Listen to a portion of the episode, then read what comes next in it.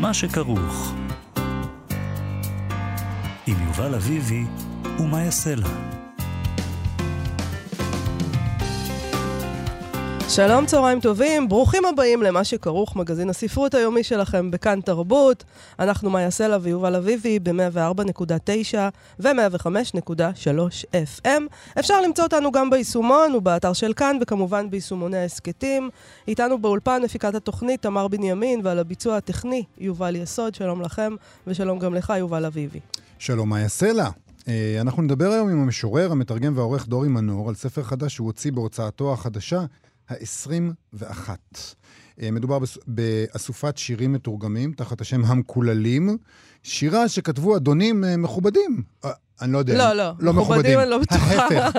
אדונים לא, לא מכובדים בעליל, הם היו הורגים אותנו, על, היינו קוראים להם מכובדים, אוי ואבוי. שרל בודלר, פול ורלן, ארתור רמבו וסטפן מלארמה. בין השאר, כן. בין השאר, כן. מדובר במשוררים צרפתיים של המחצית השנייה של המאה ה-19, שייצרו לדברי דורי מנור, ככה הוא כותב, איש איש בדרכו, יופי, חריג ומוזר. אני אוהב את ההגדרה הזאת. עוד מעט נדבר איתו, נבדוק. מהי הקללה הזאת שרובצת על המשוררים האלה, מהם תנאי הקבלה למועדון המטונף והלא מכובד הזה, ומה הם כתבו. וגם יש ביניהם הבדלים, זאת אומרת, אנחנו מקטלגים אותם תחת המקוללים. הם לא כולם אותו דבר, כמובן. אה, אנחנו נדבר היום גם עם צור שיזף שלנו בפינתו דרך ספר, היום על אה, בצל השמש, ספרו של העיתונאי הפולני רישרד קפוש, קפושיצינקי. קפושצ'ינסקי. קפושצינסקי, סליחה. פולני, קפושצ'ינסקי. זה לא קל. לא קל. Uh, הוא יצא למסע אל תוככי אפריקה, וזה ספר שגם יצא בעברית בהוצאת עם עובד, בתרגומה של מירי פז. אה, מאיה, את זוכרת שאתמול כן. שוחחנו פה על התור הארוך, הארוך, נחיל הנחש ה... השוודי בנימוסו, שהיה ב... ב... בכיכר, בכיכר של המוזיאון. כן, ליד בית אריאלה. ליד בית אריאלה, ליד המוזיאון, ליד בית המשפט בתל נכון, אביב, והיה נכון. תור ארוך, ארוך, ארוך. לבדיקות קורונה. לבדיקות קורונה, mm-hmm. שזה בעצם... זכור לי. זכור לך. ובכן, אני ראיתי בפייסבוק, של, בפייסבוק של בית אריאלה, שפשוט, אה, מה שהם עשו, הם לקחו ספרים מעודפים והוציאו אותם בעגלות האלה של הספריות, ופשוט הוציאו אה, ספרים עודפ, אה, בעודפים שלהם, וחילקו לעוברים והשבים, זאת אומרת, לממתינים, כדי שיהיו פחות בטלפון.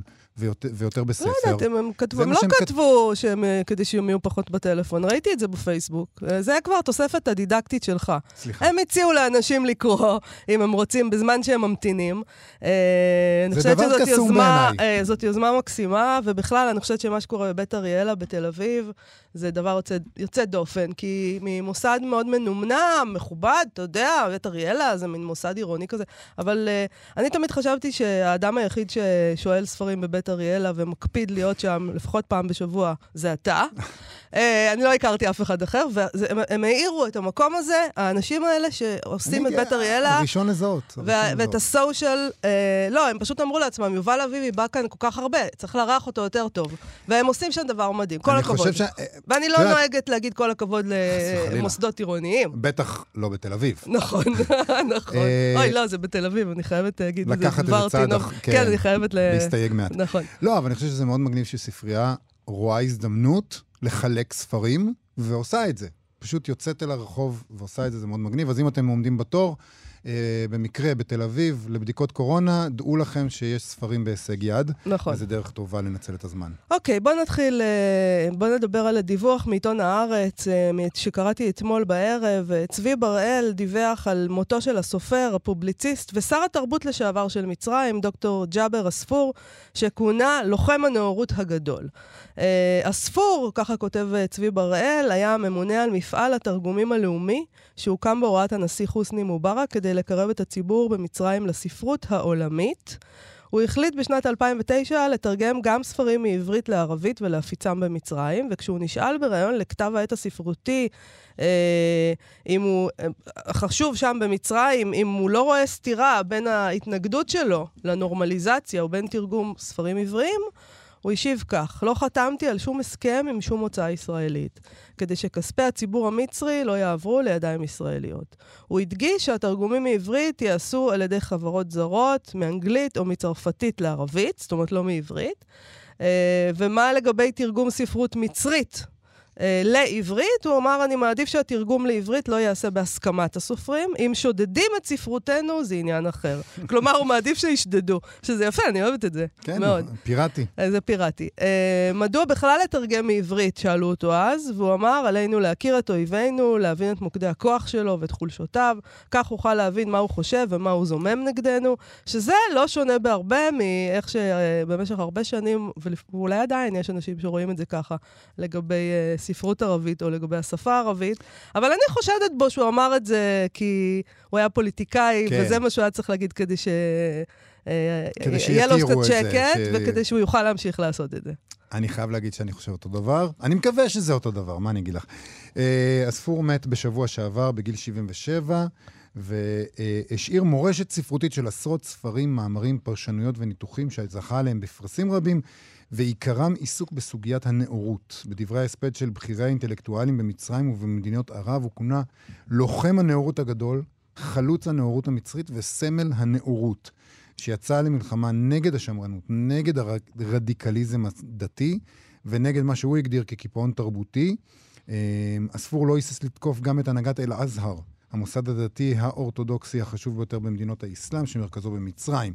ובראל מסביר שמינוי הספור, חילוני ושמאלן, על פי השקפתו, לשר התרבות ב-2014 מטעם הנשיא עבד אל-פתח א-סיסי, הפיח אז תקווה שפני הנשיא להתפייסות עם שכבת האינטלקטואלים, האינטלקטואלים הליברליים שספגו מהלומה קשה כשנבחר הנשיא לשעבר מוחמד מורסי, איש האחים המוסלמים. התקווה התבדתה תוך זמן קצר, אך בינתיים ראה הספור במינויו רישיון לפתוח במהפכה תרבותית מערבית ליברלית שלאל-אזהר אין בה מקום. והוא מספר שם גם שהמחלוקת החריפה אה, החריפה, סליחה, אה, פרצה ב-2014 כשהמוסד הדתי הזה אסר את הקרנת הסרט נוח בשל האופן שהומחשה בו דמות הנביא נוח בניגוד להוראות ההלכה. נכון, הוא אמר אז, הספור, אל-אזהר אינו שולט עלינו, אנחנו כפופים לחוקה. תחשוב איזה דבר זה להגיד... אה, אפילו פה אף שר לא יעיד להגיד את זה. אל-אזהר אינו שולט עלינו, אנחנו כפופים לחוקה. אין בהלכה שום צו שאוסר המחשה של דמות הנביאים, וחכמי אל-אזהר אינם יודעים מה הם שחים. באותה שנה כתב מאמר בעיתון שבו הוא קבע כך: השיח הדתי איננו דת, והטקסטים שלו אינם קדושים. השיח הזה הוא תרגום להבנת האדם את הכתבים הקדושים. על הביקורת הנוקבת של ראשי אל-אזהר, הוא השיב, אני רואה במאמרים שכותבים כמה מחכמי ההלכה של אל-אזהר, הוכחה להצטיינותם בצרות מוחין. היו גם uh, מאמצי פיוס מולם, uh, אבל הם לא הועילו, ובסופו של דבר הוא התפוטר מתפקידו וחזר uh, לכתוב uh, מאמרים ומחקרים, שבהם הוא המשיך לבקר בחריפות את אל-אזהר, הוא כינה אותו מוסד שמייצר טרוריסטים רדיקליים. בריאיון לכתב העת הספרותי אל-ג'דיד הוא אמר, התפתחות השיח הדתי לשיח של טרור הוא מאותותיה של תרבות הנחשלות. תרבות זו אינה חותרת לוויכוח ואינה סובלת חילוקי דעות. מי שמאמין בה סבור שהוא הבעלים של האמת, ואילו זולתו טועה, ולכן הוא כופר שצריך להכחידו. תשמע, זה איש uh, אמיץ מאוד, אמיץ, אמיץ מאוד. אמיץ ומרשים, כן. בראל כותב שההשקפות הליברליות מצד אחד והחרם התרבותי שהטילה האליטה האינטלקטואלית על ישראל מצד שני, יצרו דילמה אצלו, בגלל שלטעמו חרם אינטלקטואלי אינו יכול לדור בכפיפה אחת עם פתיחות תרבותית, אך הדילמה הזאת, הוא כותב, הייתה למראית עין בלבד, והספור עצמו חצה את הקווים כמה פעמים ונפגש עם ישראלים במצרים ומחוצה לה. זה מדהים, כי, כי אנחנו, אנחנו בשלום עם מצרים. זה אמור להיות... אה... מה, אתה עכשיו נולדת? לא, מה זאת לא. אומרת אנחנו בשלום? שלום, אתה מה? שמעת על השלום הקר? איזה... ש... אני אגב, אני בעד שלום קר. אנחנו, עדיף כי... על פני מלחמה. אנחנו לא במלחמה, אבל כן. uh, אתה יודע. כן. תשמעי, כשהסופר דוד גרוסמן זכה ב-2017 בפרס הבוקר על ספרו סוס אחד נכנס לבר, הספור אמר בריאיון לעיתון מצרי כי זכייתו של גרוסמן היא דבר טבעי. שכן לישראל יש נוכחות בינלאומית חשובה והיא בת החברה העולמית. ישראל זכתה בפרס נובל לספרות ב-1966, לפני שנגיב מחפוז זכה בו, ועלינו לומר ביושר שהספרות הישראלית ראויה לפרסים בינלאומיים. אנו עסוקים בתעשייה ומסחר, לעומת ישראל שאומנם עסוקה גם היא בתעשייה ובמסחר, אך תחילה שוקדת על התרבות, על הספרות ועל המחקר המדעי. טוב, זה מאוד מאוד מעניין שהוא ראה את זה ככה. אה, יכול להיות שזה היה ככה בתקופות מסוימות, בעבר הרחוק שלנו. אבל להגיד שישראל היום שוקדת על התרבות והספרות, לא. תשמע, מסתבר שעוד יש לנו את התדמית הזאת, חבל שעם, אה, שעם תדמית לא הולכים למכולת. בהרבה מקרים, לא רק בספרות, אנחנו נדמים מבחוץ, אה, נגיד המוסד. המוסד, ראש המוסד, איזה אדם חכם כן. ומסתורי הוא. מסתורי, שתקן. שאינו מצוי בציבור, אנחנו בכלל לא יודעים מי הוא, הפעולות של המוסד לא, לא קוראים עליהם אחרי 50 שנה. נכון. אז אני תמיד אומר, לא רק הספרות.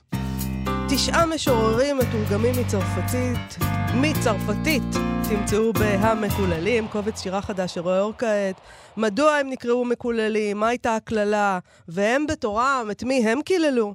איזו השפעה הייתה להם על שירת המאה ה-20? ו- והאם יש גם משוררים ישראלים שעומדים בתקן הקללה שלהם?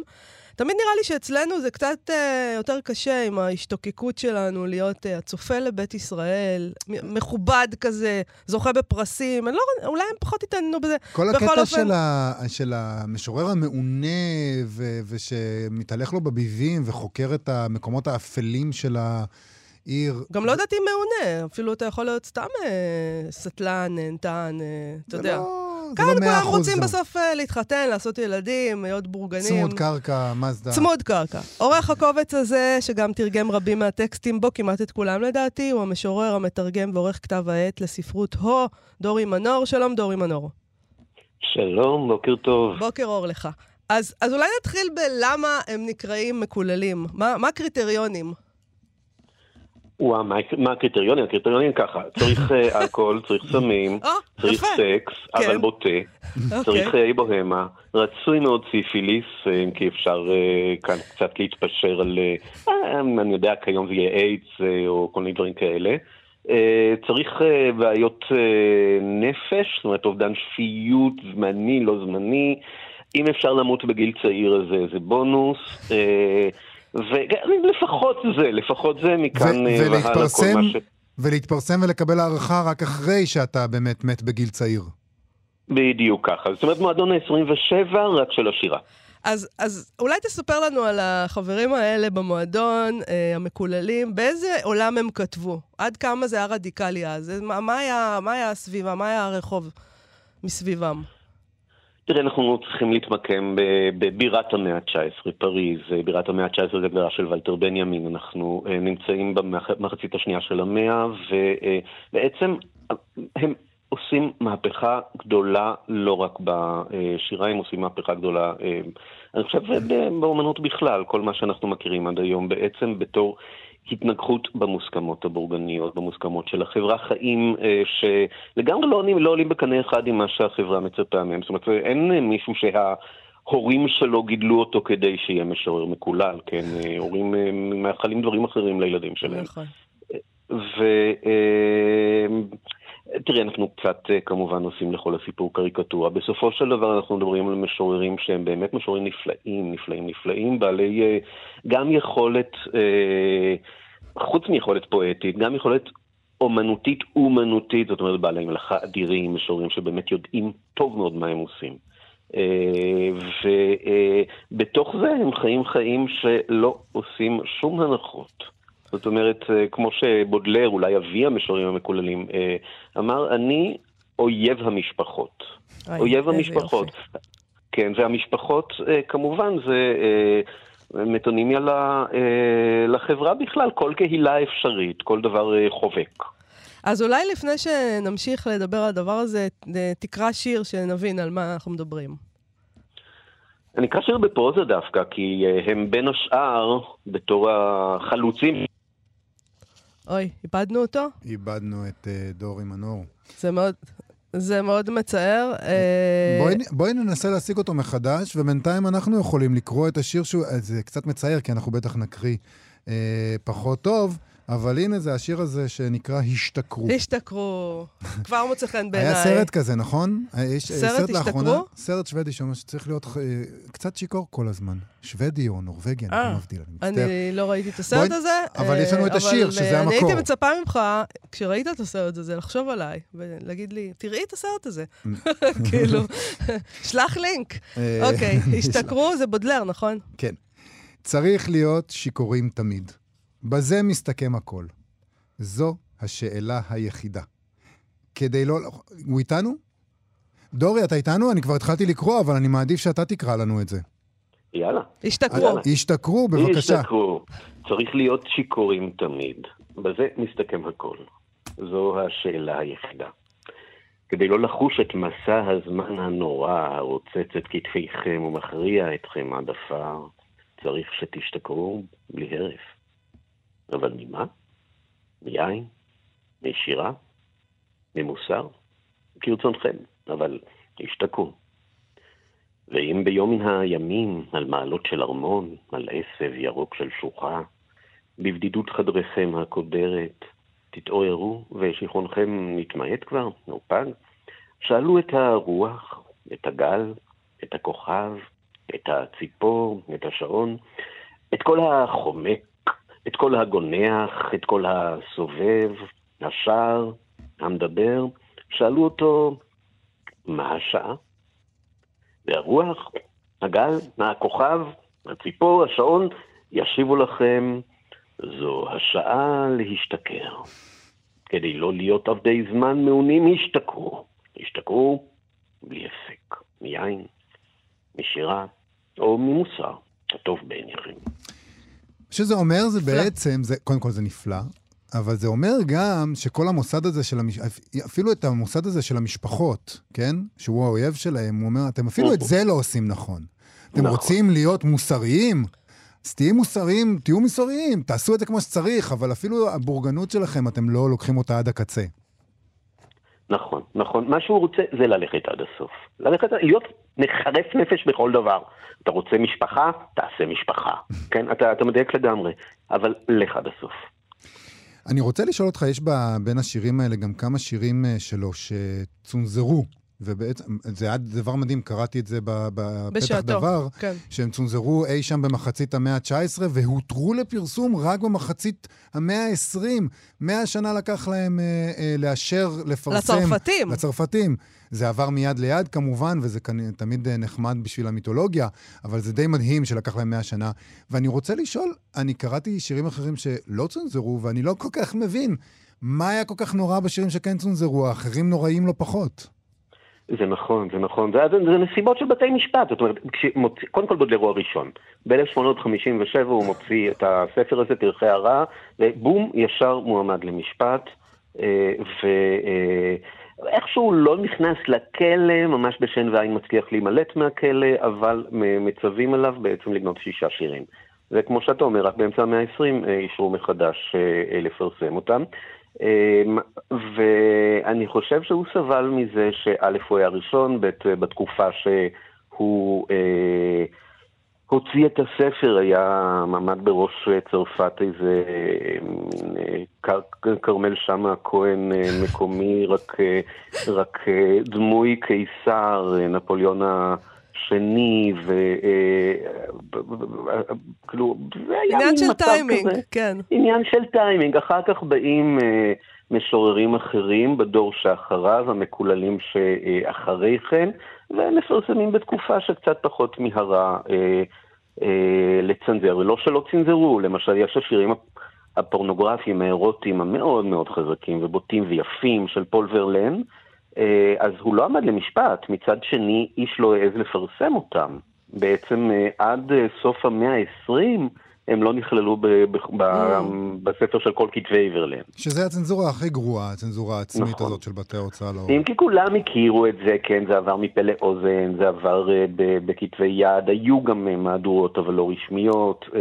כמובן זו הדרך הכי טובה לכך ששיר יעשה לו כנפיים. ו- אבל, אבל הכירו גם את הסיפור ואת הדרמה הזאת סביב ורלן ורמבו, כאילו, את כל הסיפור האהבה וכל מה שהלך בטח, שם? התעסקו בזה אז? בטח, זה המיתוס, של השירה הצרפתית לדורותיה, בטח. לא, אבל בזמן אה, אמיתי, זה היה עניין... בזמן אמיתי אף אחד לא הכיר אותם. אה, אוקיי. חוץ משלושה וחצי אנשים שאהבו לשתות אבסינט ו- ולקחת אופיום יחד. אוקיי. אה, בזמן אמיתי אף אחד לא הכיר אותם, אבל מהר מאוד אחר כך, עד סוף המאה ה-19, כבר זה הפך להיות המיתוס המכונן, ממש. סיפור האהבה הזה בין... אה, רמבו נער בן 16 שמגיע מהעיירה הפרובינציאלית שלו בסוף בצפון צרפת, אל המשורר הגדול, הקשיש בן ה-26, פול ורלן, שאוסף אותו אליו ונפרד מאשתו ויחד הם אה, אה, יוצאים למסע נדודים וכתיבת שירה מופלאה שמסתיימת בכך שוורלן בהתקף קנאה יורה בברלן, סליחה, ברמבו,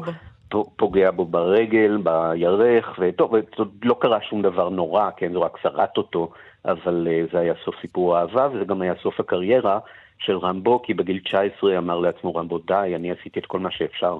כל מה שאפשר.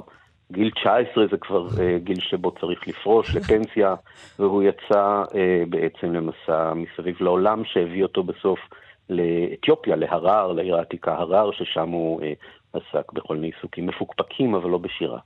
איזה השפעה הייתה לקבוצה הזאת uh, על שירת המאה ה-20? הכי מרחיקת לכת שרק אפשר. בעצם כל האתוס של משורר מודרני, אומן מודרני בכלל, נולדה שם.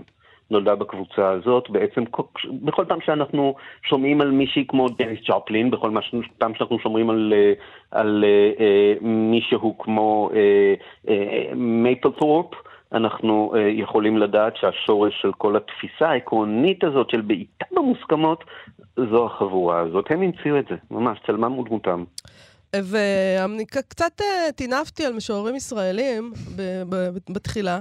אה, טענתי שהם לא, שהם לא יכולים להיות ככה באמת, כי אנחנו באיזה DNA ציוני אחר, אבל אולי אני טועה, יש משוררים ישראלים שאפשר להכניס לרשימה הזאת?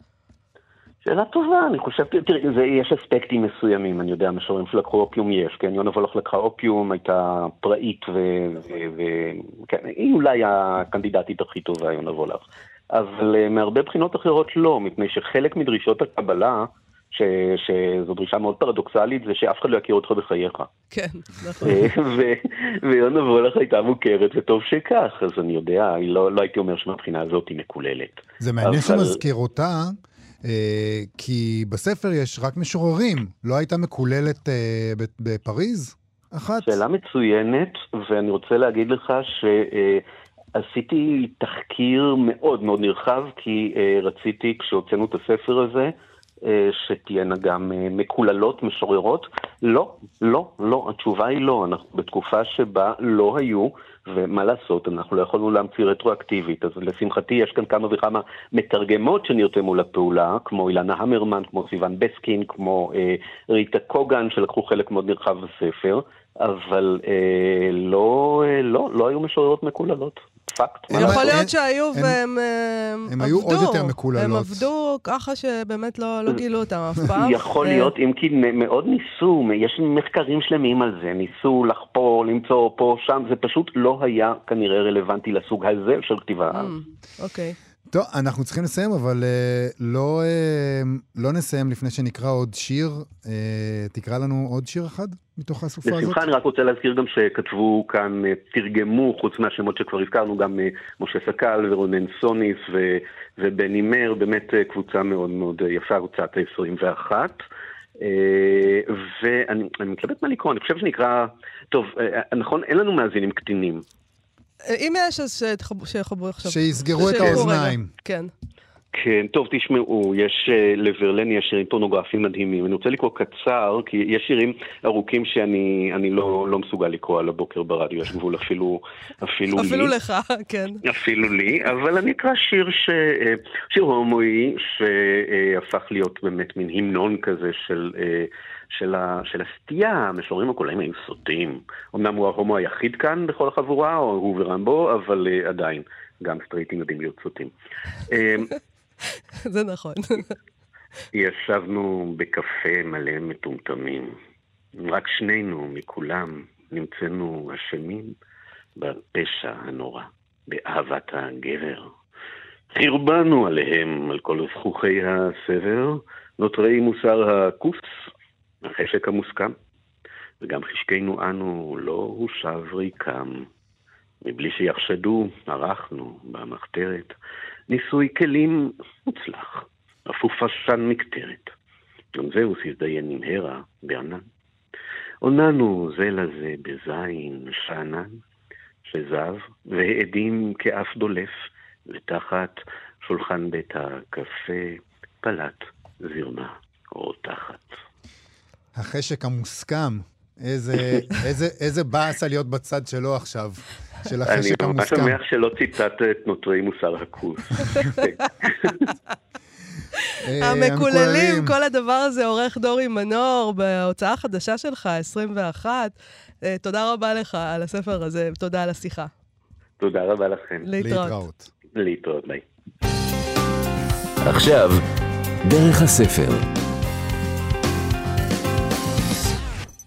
מה שכרוך, מגזין הספרות היומי שלכם בכאן תרבות. אנחנו עם צור שזף, סופר מסעות, אה, סופר פרוזה, עיתונאי, צלם, נוסע. שלום צור. שלום וברכה, מה שלומכם? התגעגענו אליך, טיילת לך בעולם. מישהו צריך לעשות את זה, ואני התנדבתי. כתבת? אה, אה, טיילת וכתבת? אה, האמת היא שטיילתי בלי לכתוב, אני כותב עכשיו את ה...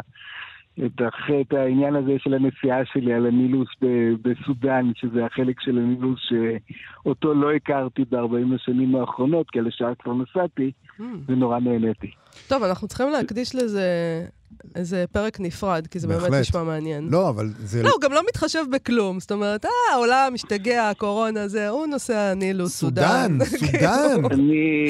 זה, העולם, העולם לא השתגע, בואו נדייק את הדברים. אולי אנחנו השתגענו? חלק, חלק מהאנשים על פני הכדור השתגעו, בדרך כלל אלה שקוראים לעצמם דמוקרטים, ליברליים אה, ושפויים, איבדו את שפיותם, אבל לדעתי זה עובר. כי כל המגפות, כל המגפות, דועכות בערך תוך שנתיים, זה מה שקורה, זה דועך.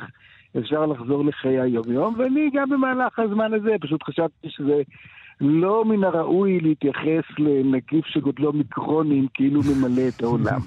טוב, אני חייבת, ו- אה, צור, להגיד לך שפעם הבאה שאני נכנסת לחרדה, וזה קורה לי בערך פעם ביום, אני פשוט ארים אליך טלפון, ותסביר לי את לא, זה, בשביל אם זה אני אשכח. פה. אוקיי, בסדר. אני, זה, זה התפקיד שלי מאז ומעולם, להרגיע אנשים, לכוון אותם בכיוונים הנכונים. על מה אנחנו מדברים היום מבחינת אה, ספר המסעות שלנו? אנחנו מדברים על ריצ'רד קפוצ'ינסקי, אה, סופר המסעות, העיתונאי, ואולי אחד ההוגים הגדולים שנולדו על התפר בין אה, עיתונאי אה, אזורי סכנה ומסעות, ובעצם הגיגן, אבל ב, ב, בדברים הכי חשובים שיש.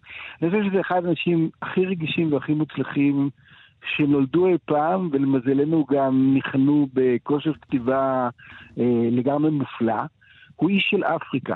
הוא מתישהו בשנות ה-20 שלו, שזה שנות ה-60 אני חושב, או משהו בדומה, הוא מצליח לשכנע את הרדיו הפולני, אנחנו מדברים על מדינה קומוניסטית שנות ה-60, הוא מצליח לשכנע אותם שישלחו אותו בערך עם גרוש וחצי לדר הסלאם בטנזניה, ושם הוא שוכר לעצמו איזו דירה בשיכון של, אמ, של מקומיים, מה שהיה נהוג לומר כושים פעם, שחורים היום, אפריקנים, איך שאתם רוצים לקרוא לזה, כן. והוא בעצם ה- הלבן היחיד שבו בעצם כל הזמן גונבים לו. אז הוא לא מבין, הוא אומר, אני לא מבין למה, למה הם גונבים. ואז הוא, הוא נכנס לסיפור הזה והוא הוא מתאר את האנשים ומתאר, לזה יש כוס, לזה יש איזה צעיף, לזה יש מזלג, לזה יש סיר, לכל אחד יש איזשהו דבר שלו, ולא, יש יותר מדי דברים. Mm. ובעצם זה שגונבים ממנו מראה שבעצם הם קיבלו אותו לקהילה, הם רק מסבירים לו ש, שלא ינעד דלתות ושלא יעשה דברים, ואף אחד כמובן לא פוגע בו ולא עושה לו שום דבר רע. הוא בהחלט נכנס לתוך העולם הזה, וכך הוא מתחיל את דרכו, וקצת אחר כך הוא חוטף שחפת מכל המחלות. עכשיו, אין לו מספיק כסף ללכת לקבל את הטיפול באיזה בית חולים יוקרתי, הוא בסוף מוצא איזה רופא אה, אנגלי, אני חושב, שגר שם בדר הסלאם, והוא מחבר אותו לאינפוזיה פעם בשבוע, כי הוא יודע שאם הוא חוזר לפולניה, אז הפולנים כבר לא ישלחו אותו יותר, ובזה נגמר החלום שלו של לנסוע ולהסתובב ולסקר את אפריקה. עכשיו, בעצם הספר שאנחנו מדברים עליו הוא ספר שנקרא אה, בצל השמש. בפולנית הוא קרא לו עץ האובנה, שזה עץ אה, מאוד מאוד חזק, עם צליל מתכתי ממש, אתה מקיש עליו, אחד הדברים השחורים והיפים ביותר שיש בעולם. אוקיי. והוא בעצם אה, מתאר לנו, הסיפורים שם, הוא כאילו מתאר כל מיני חוויות, אבל החוויות האלה הן לא בדיוק רפורטאז'ות. זאת אומרת, הוא בדרך לעשות דברים, ואז קוראים לו כל מיני דברים. יש לו סיפור נפלא, שהוא גם לגמרי מתאר את, את, ה, את המצב שלנו של היום, ותכף תשמעו את הסיפור ותבינו על מה אני מדבר. זה סיפור שבו הוא קם בבוקר ונוסע עם חבר, הוא צריך להגיע מדר הסלאם לניירובי שבקניה. ואיכשהו יש ערפל נורא נורא כבד, ואיך שהערפל מתפזר, הם פתאום שמים לב שהם בתוך עדר של גנו. גנו נקרא גם wildebeest, מין חיה מאוד מאוד גדולה, סדר גודל של בפלו, והם נעים בעדרים של אלפים. עכשיו, הוא, הוא מספר על חבר שלו, שעוד זואולוג אה, אה, פולני שנהג לטוס ב Piper הקטן שלו, ואמר דבר כזה, כשיש גנו זכר אחד ענק שעומד באמצע הסוואנה, הוא יכול לרדת עם הפייפר ולדגדג לו את האוזניים, וזה לא מזיז כלום לאותו, לאותו זכר ענק. אבל כשיש עדר של אלפי ראשים, אם הוא יורד עם, ה, עם, ה, עם הפייפר למטה, ומספיק שיהיה היסטרי אחד, שהתחיל לקפוץ, כל העדר נתקף בריסת עמוק, וכולם מתחילים לברוח לכל הכיוונים. אני מרגיש שיש פה איזה משל. אני מבינה את המשל. זה לא משל על מאיה חס וחלילה, זה משל על ההתנהגות האנושית, שאם, אתה יודע, אתה מביא את, ה, את, ה, את, ה, את הנגיף הקטן הזה לפה לכרם, הסיכוי שהוא יזיז לי או יעשה לי משהו מאוד מאוד קלוש.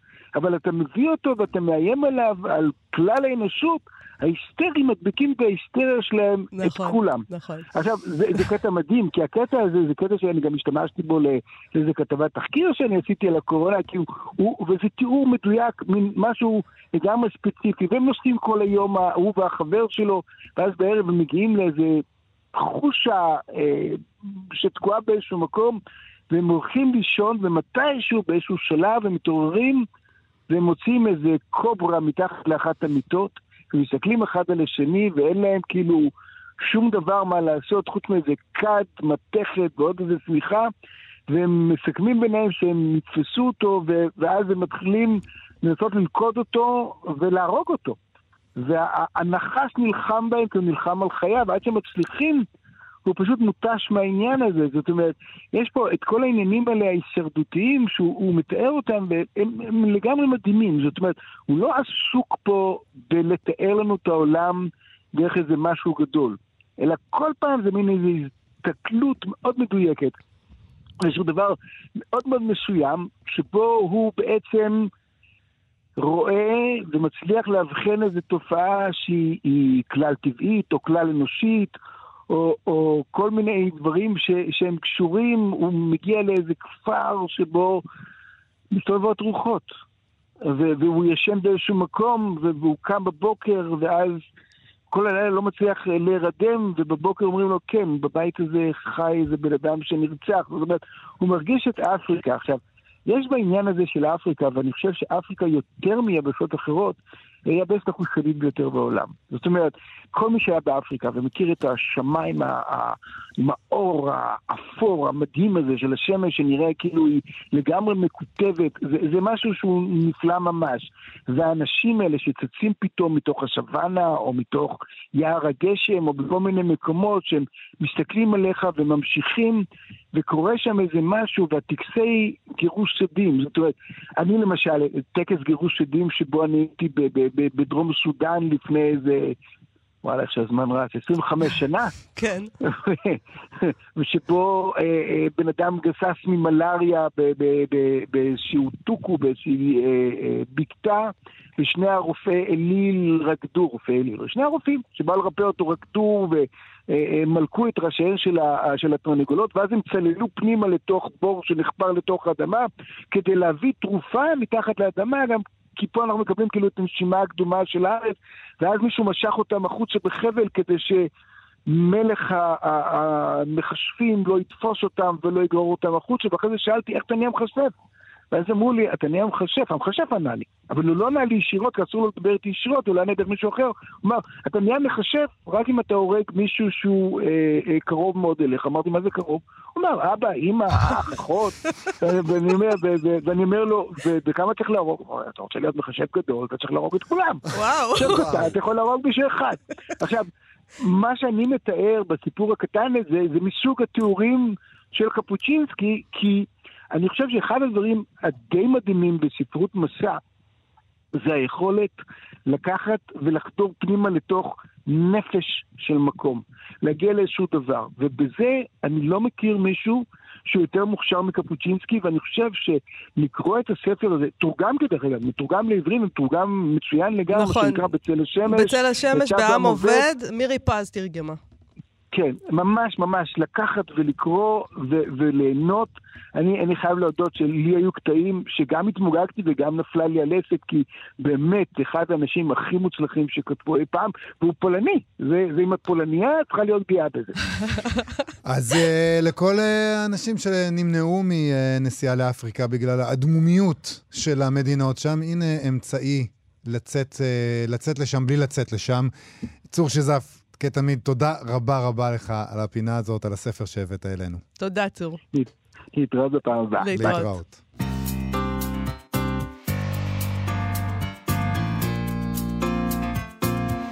ואנחנו עם סטטוס ספרותי, העורכת מיכל חירותי העלתה פוסט שבו היא חושפת איזושהי אמת אה, שידועה לכולם, אבל די מצא חן בעיניי, אה, משום שעל אף שמדובר פה באמת ידועה, כולם ממשיכים סביבנו להעמיד פנים, לפחות פומבית. Uh, להעמיד פנים שאנחנו חיים באיזשהו מקום שבו לספרות יש ערך כלכלי, בוא נגיד. Uh, לא מדברת על ערך אחר, שגם... אז כמובן שמצא חן בעיניי שהיא מסרבת לדבר הזה. uh, מלבד ספרים, מיכל חירותי ערכה עד לא מזמן את כתב העת מאזניים, ואנחנו דיווחנו כאן על, על, על החלטתה לפרוש מעריכת כתב העת. במקומה מונו שתיים, גם על זה דיווחנו, דוקטור תמר מרין ושרי שביט, שתיהן גם סופרות. אה, בואו נקרא את הסטטוס שלה, כן, יובל. אז ככה היא כותבת, אה, אני לא מאמינה שאני מעלה פוסט רבים שואלים אותי, אבל בחיי, מאז שכתבתי פה שעזבתי את מאזניים, סליחה, הרבה שואלים אותי לאן פניי ומה הדבר הבא. שזה קצת נעים וקצת מלחיץ, וגם קצת מפתיע אותי, עצם זה שמצפים ממני, וזה מניע ציפייה פנימית, למרות שרק בא לי לנשום רגע ולהיטען מחדש. אני רוצה לשתף במחשבה על זה, אבל קודם אבהיר שלא עזבתי בשביל משהו, חוץ מאשר להחזיר נשימה. שבתי אל כור מח... מחצבתי ואל אהבתי הגדולה ואל מקומי הטבעי מאחורי הקלעים של הטקסטים, ואני עורכת פרוזה, מלווה סופרות וסופרים, אה, ושמחה לחזור קצת לאזור הנוחות שלי. באשר לציפייה מהפסקה הראשונה, בואו, זה לא שאנחנו איזה הייטק, או לחילופין הרפובליקה הספרותית של בריטניה. זה לא שיש פה תקציבי תרבות, או שאיזה מגזין ספרותי עצמאי מגניב ויוקרתי ונוצץ ערב לי וחטף אותי.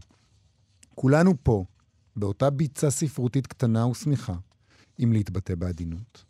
וכולנו יודעים מה מתרחש וכמה המצב החמיר בשנים האחרונות, לא מבחינת יבול ספרותי, אלא מבחינת התמורה על עבודה ספרותית. כמה סופרים משלמים להוצאות כדי שיוציאו את הספרים שלהם לאור, במקום שזה יהיה הפוך. כמה קשה לאנשים בתחום שלנו להתפרנס. משרות נחשקות, מזמן כבר אין דבר כזה.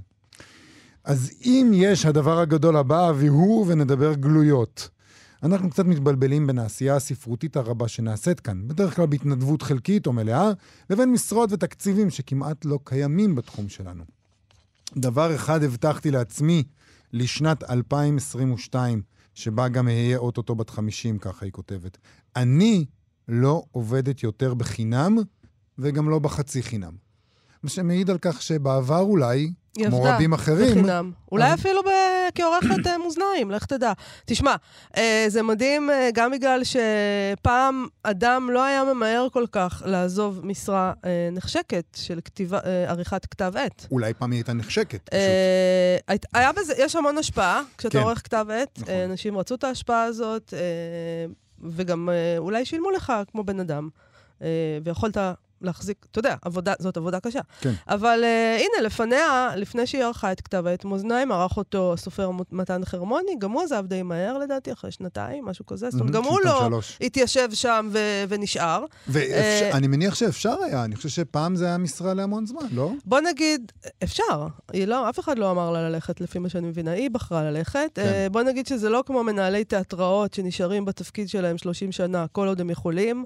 אתה יודע, הם פשוט יושבים שם ומנהלים את התיאטרון. לנהל תיאטרון זה עבודה מאוד מאוד קשה, אבל הם גם לא מרוויחים 6,000 שקל בחודש, מהמם. אז הם יכולים לעשות את זה.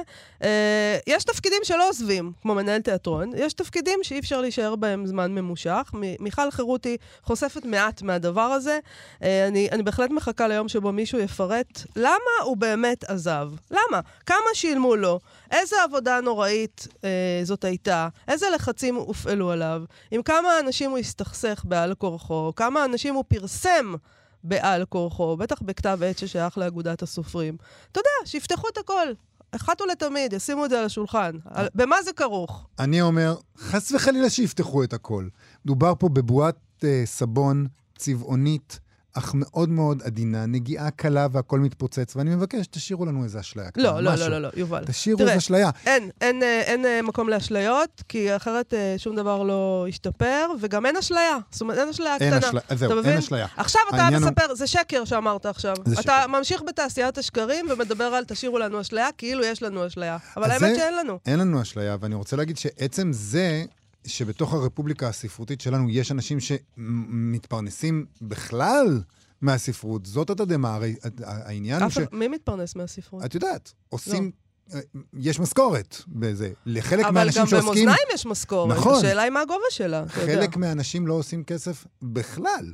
הרבה מאוד אנשים שהוציאו ספר לא, עצו, לא עושים, ואפילו עשו לא מרוויחים שקל. כסף. לפעמים זה עולה להם כסף, והם לא, מרוויח, והם לא מחזירים אפילו חלק מזה. זאת אומרת, עצם העובדה שיש מישהו שעושה משהו שמשלמים לו בתחום הספרות, זה הופך להיות איזה סוג של אנומליה. בסוף נהפוך כולנו לאנשים שזה התחביב שלהם. וזה דבר מסוכן מאוד, אה, אה, כשהדבר הזה יהפוך להיות תחביב. אנחנו נסיים עם הדברים האלה, למרות שיש לנו עוד הרבה מה להגיד, יובל. אנחנו עוד נכון? נגיד. אבל אנחנו פשוט הבאה. נגיד את זה מחר. בדיוק. אוקיי, תודה רבה לתמר בנימין וליובל יסוד שעשו איתנו את התוכנית. אנחנו כמובן מזמינים אתכם לעמוד הפייסבוק שלנו ולעמוד הפייסבוק של כאן תרבות, ואנחנו נהיה פה מחר ונגיד את כל הדברים שלא הספקנו להגיד היום, ו- ויש, יש. אין מה להכחיש את זה. ומחר יזמן לנו הזדמנויות, אל תטעו. להתראות, יובל. להתראות.